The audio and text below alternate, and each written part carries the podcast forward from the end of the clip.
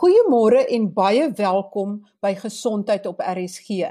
My gas vandag is professor Wolfgang Preiser. Hy's hoof van virologie by die Universiteit van Stellenbosch en die Tygerberg Hospitaal. En ons gaan vandag gesels oor 'n onderwerp waaroor baie mense my al gevra het en dit is oor die verskillende variante en die effektiwiteit van die vaksin. Want daar is baie mense wat twyfel of hulle die vaksin moet neem of nie en ons gaan probeer om antwoorde te gee vandag. Professor Preiser, ons het nou al gehoor van verskillende variante. Hulle het allerlei syfername, maar kom ek praat sommer van die Suid-Afrikaanse, die Brasiliaanse, die Engelse en die Indiese variant en ek wil hoor is hulle verwant aan mekaar? Hoe naby of hoeveel verskil hulle van mekaar? En is daar nog ander variante wat ons nie van kennis neem nie? Yes, unfortunately, that is probably the case. There are a number of different variants out there, and I fear we have to be realistic and would expect some others to still be discovered. The way that works is that viruses, as they make more of themselves, as they replicate, make mistakes. And if then something changes, for example, if some people have had the infection before or have been vaccinated with a vaccine that doesn't work too well, then virus evolves and it develops into variants that has certain mutations or other changes in the genome that lead to some differences that help the virus uh, get on better by being more easily to transmit from person to person or by being able to evade the immune response. So somebody who would be immune to some variant of the virus will then not be as immune against another one.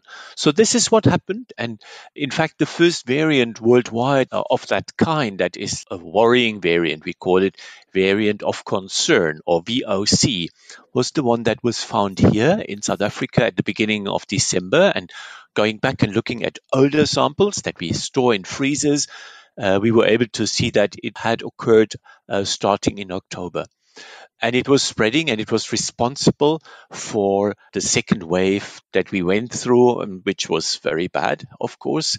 And the variant and its infectiousness is at least partially responsible for the extent of this second wave.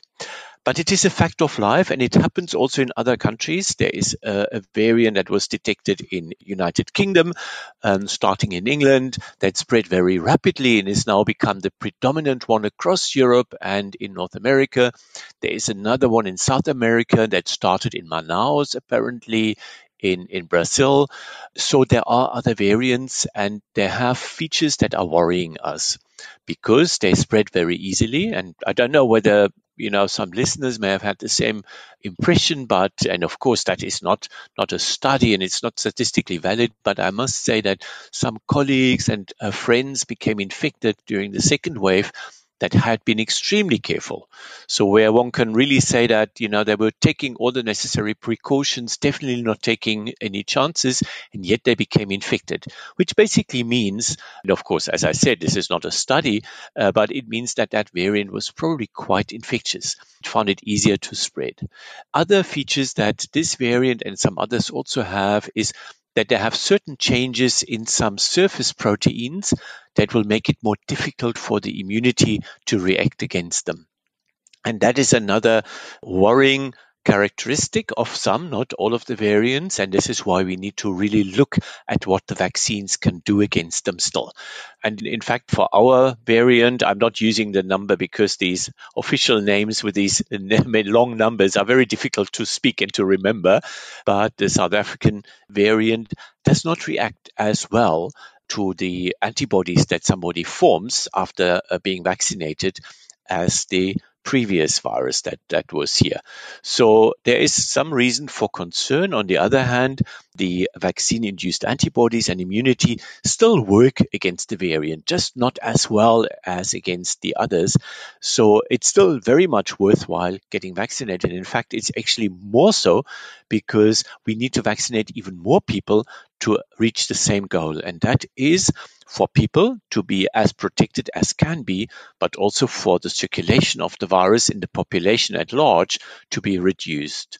Remember, if you are the one person in whom the vaccine uh, response is suboptimal, so your own immunity against the virus is not the best, if nobody around you is infected because they also got the vaccination and in them it works well, then of course you are indirectly also protected. And that is the much uh, mentioned and discussed uh, herd immunity or population immunity effect. So it's even more important that, you know, as many people can get vaccinated and as quickly as possible. Professor, is die variante verskil hulle baie van mekaar? Byvoorbeeld, is die variant wat nou in Indië is, baie anders as die variant wat hier in Suid-Afrika opgespoor is of is dit baie soos die Engelse variant is daar baie onderlinge verskille tussen die variante moet ons bang wees nou dat die Indiese variant nou weer amok kan maak in Suid-Afrika That is an a very good question. Uh, many people are very worried about it. We don't have the full picture yet. Remember, the Indian uh, variant. And again, I apologize for using the country name, which is not good uh, practice, but it's just, you know, it's easier to understand. We don't understand it fully. Of course, the terrible outbreak that India is going through at the moment is worrying us because we think, you know, in how far is that linked to a new virus variant which has emerged there, or could it just be explained also by all the mistakes that were made in the earlier months of this year in, in India, where large mass gatherings were allowed and uh, distancing was not done properly? The verdict is open on that. There is a lot of research going on on it, and it's happening in the labs. It's happening in uh, epidemiology, so looking at uh, figures and data, and together we will get a better impression of what it does. These different variants have certain features in common and others in which they vary from one another. And we're not quite sure what the Indian one will do. It has certain characteristics that suggest that antibodies against other types of SARS CoV 2, eh, the virus that causes COVID 19, that antibodies against these other types of the virus may not optimally react against the Indian variant. And there's also some suggestion that it is probably quite contagious, so also quite easily transmitted. We think that it is none the worse than our own, the South African variant, first detected here. But to be absolutely sure, we will have to do further studies to understand better. I think that there is no question that we should try and avoid uh, further importation of different variants as much as possible. The big question is, of course, how to do that. You know that uh, international travel is much reduced compared to pre pandemic times, so there is not that many people traveling to and fro anymore. But of course, we also know that uh, people can be infected yet totally well, not ill in any way. And even if a test is done pre departure, um, even if it's a real test and it's not a fake, as also sometimes happens, people may just be still in the incubation period. And by the time they arrive, they would be infected. So there is no 100% safety uh, against that. That is very clear. I must say that I'm, I'm, very glad that uh, we are investigating these cases. And here in our lab, we have also looked at possible cases, i.e., people who had COVID 19 and had recently returned from the Indian subcontinent. And so far, we have not found that particular variant in these cases. So we are looking for it. And now there have been findings in Durban and in Gauteng. And that was only to be expected. So one can hope that for a while, a swift reaction will contain further spread of this new variant. We are also, by the way, picking up an increasing number of the UK variant virus here in South Africa. That's another question that's also being watched. Ultimately, of course, this virus is very easily transmitted. So, in the long term, there isn't a chance to keep it out of any one place on earth. Maybe if one is in the happy situation of being a very wealthy and well organized country on an island like New Zealand, chances are better. But uh, for uh, countries that are part of a continent and have land borders with a lot of traffic, it's a question of time until new variants cross these borders. So that is something which we'll unfortunately have to expect. It's still worth looking at it and trying to catch these cases early on and preventing further spread, but ultimately we are probably only delaying it. And that of course is good in its own right because our goal ultimately is to have first all vulnerable people immunized the healthcare worker vaccination is now coming to an end, and the vaccination of the next group of people, which is those above the age of 60 and in some other settings, is about to start. It's a massive challenge. The vaccine is very good. It's one of the best out there but it's not perfect and, and, none of the vaccines are perfect one has to say so we will we can't just say now i'm going to drop my mask uh, really we, we have to to try and get vaccinated when we are offered the vaccine but still observe the usual precautions because of so many people not yet being vaccinated some countries like israel they are small, of course. It's a lot easier. They also have more resources than us. They went ahead. They have vaccinated a substantial proportion of the of their population, and now they are seeing the benefits. So the numbers of cases have gone down massively. Thousands of lives have been have been saved, and that is where we also want to get to. Uh, it'll take more time. The country is bigger. It has less resources. It doesn't have as many vaccine doses yet, but that is the aim. And we should get there. And until then, we should try to please get away without additional variant viruses as much as we can. But that said, I don't see a reason to panic now because of those cases of the UK and Indian variant being detected here. Actually, I take pride in that because I know the massive effort that's behind that. And it's something to be very proud of the country as South Africa was one of the early countries to adopt such an effort and it was funded nationally. There was no international funding being made available. So we started early looking at exactly the variants of viruses that was circulating here. And it's something to really enjoy and acknowledge. Uh, other countries, they had a rude wake up call at the end of 2020 when they realized, gosh, we don't actually know what's circulating here. And then they scrambled to set up similar systems. Of course, it's easier if you're in the United States or somewhere in Europe. You have more money, you have more resources, but they adopted this later. We started early and we still have a very good system going. So we, we are set up to detect cases, but of course, not everybody. Things will slip through. Not each sample can be sequenced and a variant determined. But that said, I fear that the, the third wave is building up. We're seeing some very worrying figures coming out of Gauteng, the Free State, and other places. And that's nothing to do with new variants. That's very much our own virus. And even though we underwent that devastating second wave where so many of our friends and colleagues uh, fell ill and some of them sadly and tragically died from it, we are still not there where we can say the population is immune. We will probably not reach that through just experiencing the infection. Uh, we will need the vaccination to do that and it will take time. So in the meantime, really the, the main measure to do is keep up the precautions. Please let's not fall for another devastating wave. It was so bad. Let's try and, and keep it at bay and control it as best as we can. And everybody got a role to play in that. Professor, is die um, nuwe variante net meer aansteeklik en dat hulle die huidige teenliggame kon vermy? Met ander woorde, hulle val die immuunstelsel effentjies anders aan? Of is hulle ook meer virulent dat hulle mense sieker maak of is daar net meer mense siek omdat dit meer aansteeklik is Yeah, this is actually three uh, different aspects, but they often lead to the same phenomenon. Uh, let me start with the last one, and that is the virulence. It basically means how likely is the virus to make you seriously sick.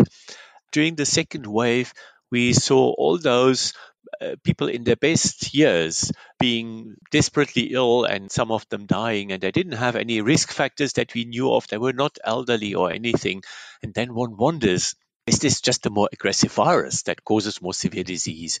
The problem is if you just have such a bigger number of infections overall, then also you, you will see those people who fall into groups that don't usually uh, get serious disease, you will see more of those exceptions that still experience a very bad uh, a clinical illness.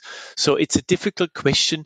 There may be some element that it may be uh, somewhat more virulent, uh, but this is still being investigated. And if anyone has followed the reports from the United Kingdom, it keeps changing. So early on people said yes this is indeed more virulent and then some other data uh, said no we don't have evidence for that and now the pendulum is swinging back um, it's not that easy to investigate because we can't just I, I mean pure science would mean we infect 100 people or 1,000 people with the one or the other, and then we see what happens. That's, of course, totally unethical and cannot be done. So, to match and to compare is not easy uh, using the data that's available uh, from real life infections. So, we don't know about that. These variants have in common a higher transmissibility, and that goes for all of them that are variants of concern currently. So, the one first found in uh, South Africa, in Brazil, in the UK, and now also in India, and they are more easily transmitted. And that means they spread to more people, they cause bigger numbers of infections, and therefore one will also see more severe cases even in age groups and, and, subgroups of the population that are not at such high risk, like our main risk groups.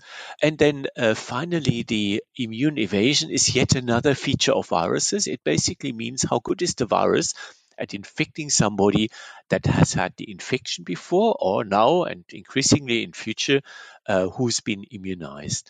And that is something that's really being investigated. Uh, most listeners will remember that the AstraZeneca vaccine that was earmarked to be the first one to come to South Africa to be used was then shelved and later passed on to other countries after it was found that it provided insufficient protection against the South African variant. That was found in a study that just happened to take place during the second wave. And of course, uh, many other vaccines have not been tested here during this phase, so we would not know. We would not have the data from a clinical trial, which is, of course, the, the optimum. That is the best scenario.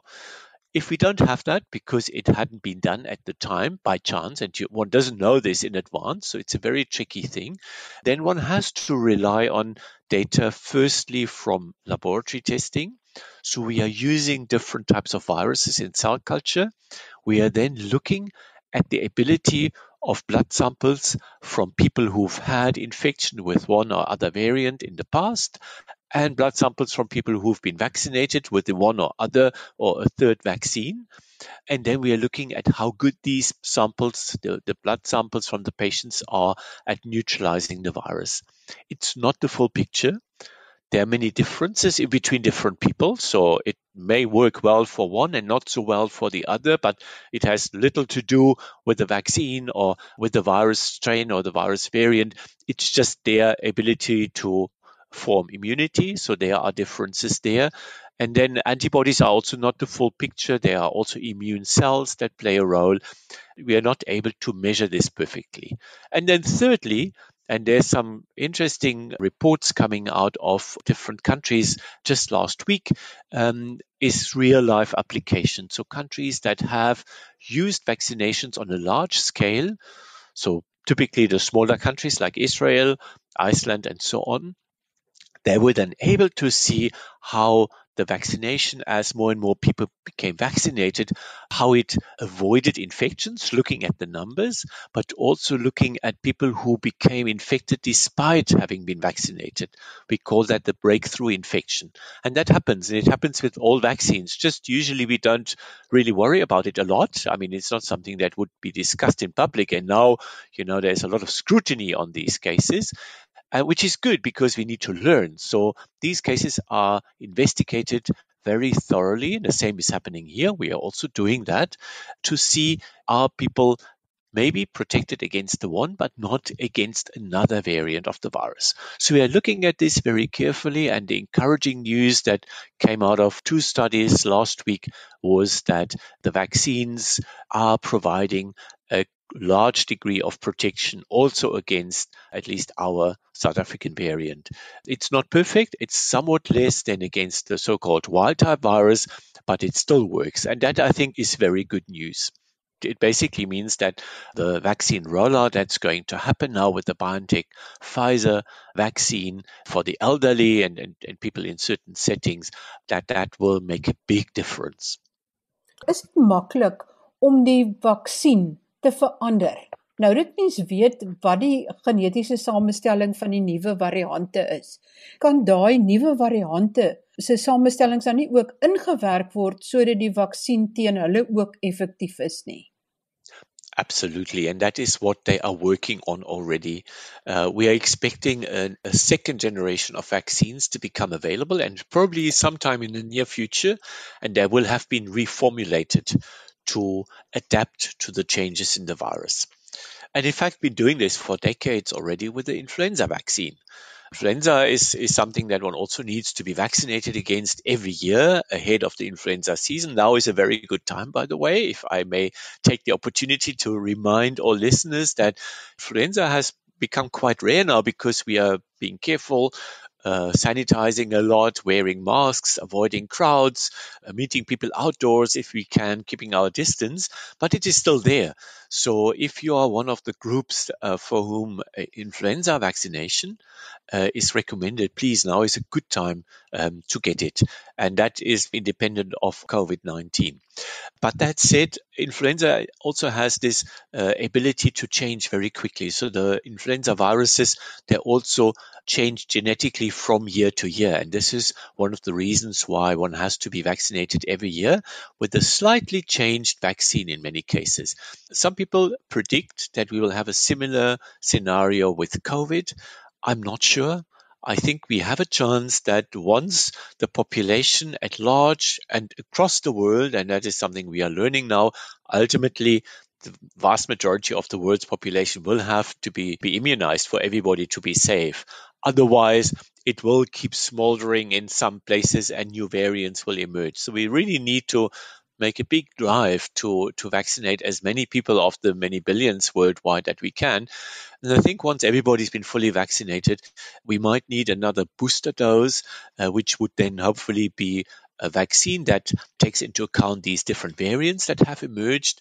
And if we are lucky, that that might be it. If we are not lucky, we might have to get booster doses of the COVID vaccine every couple of years, maybe. Some people say maybe every year, maybe even combined with the influenza vaccine when if it becomes a seasonal disease, uh, or maybe every few years. It's simply too early to tell. The virus is evolving very quickly. It's changing and adapting, and we are trying to keep up.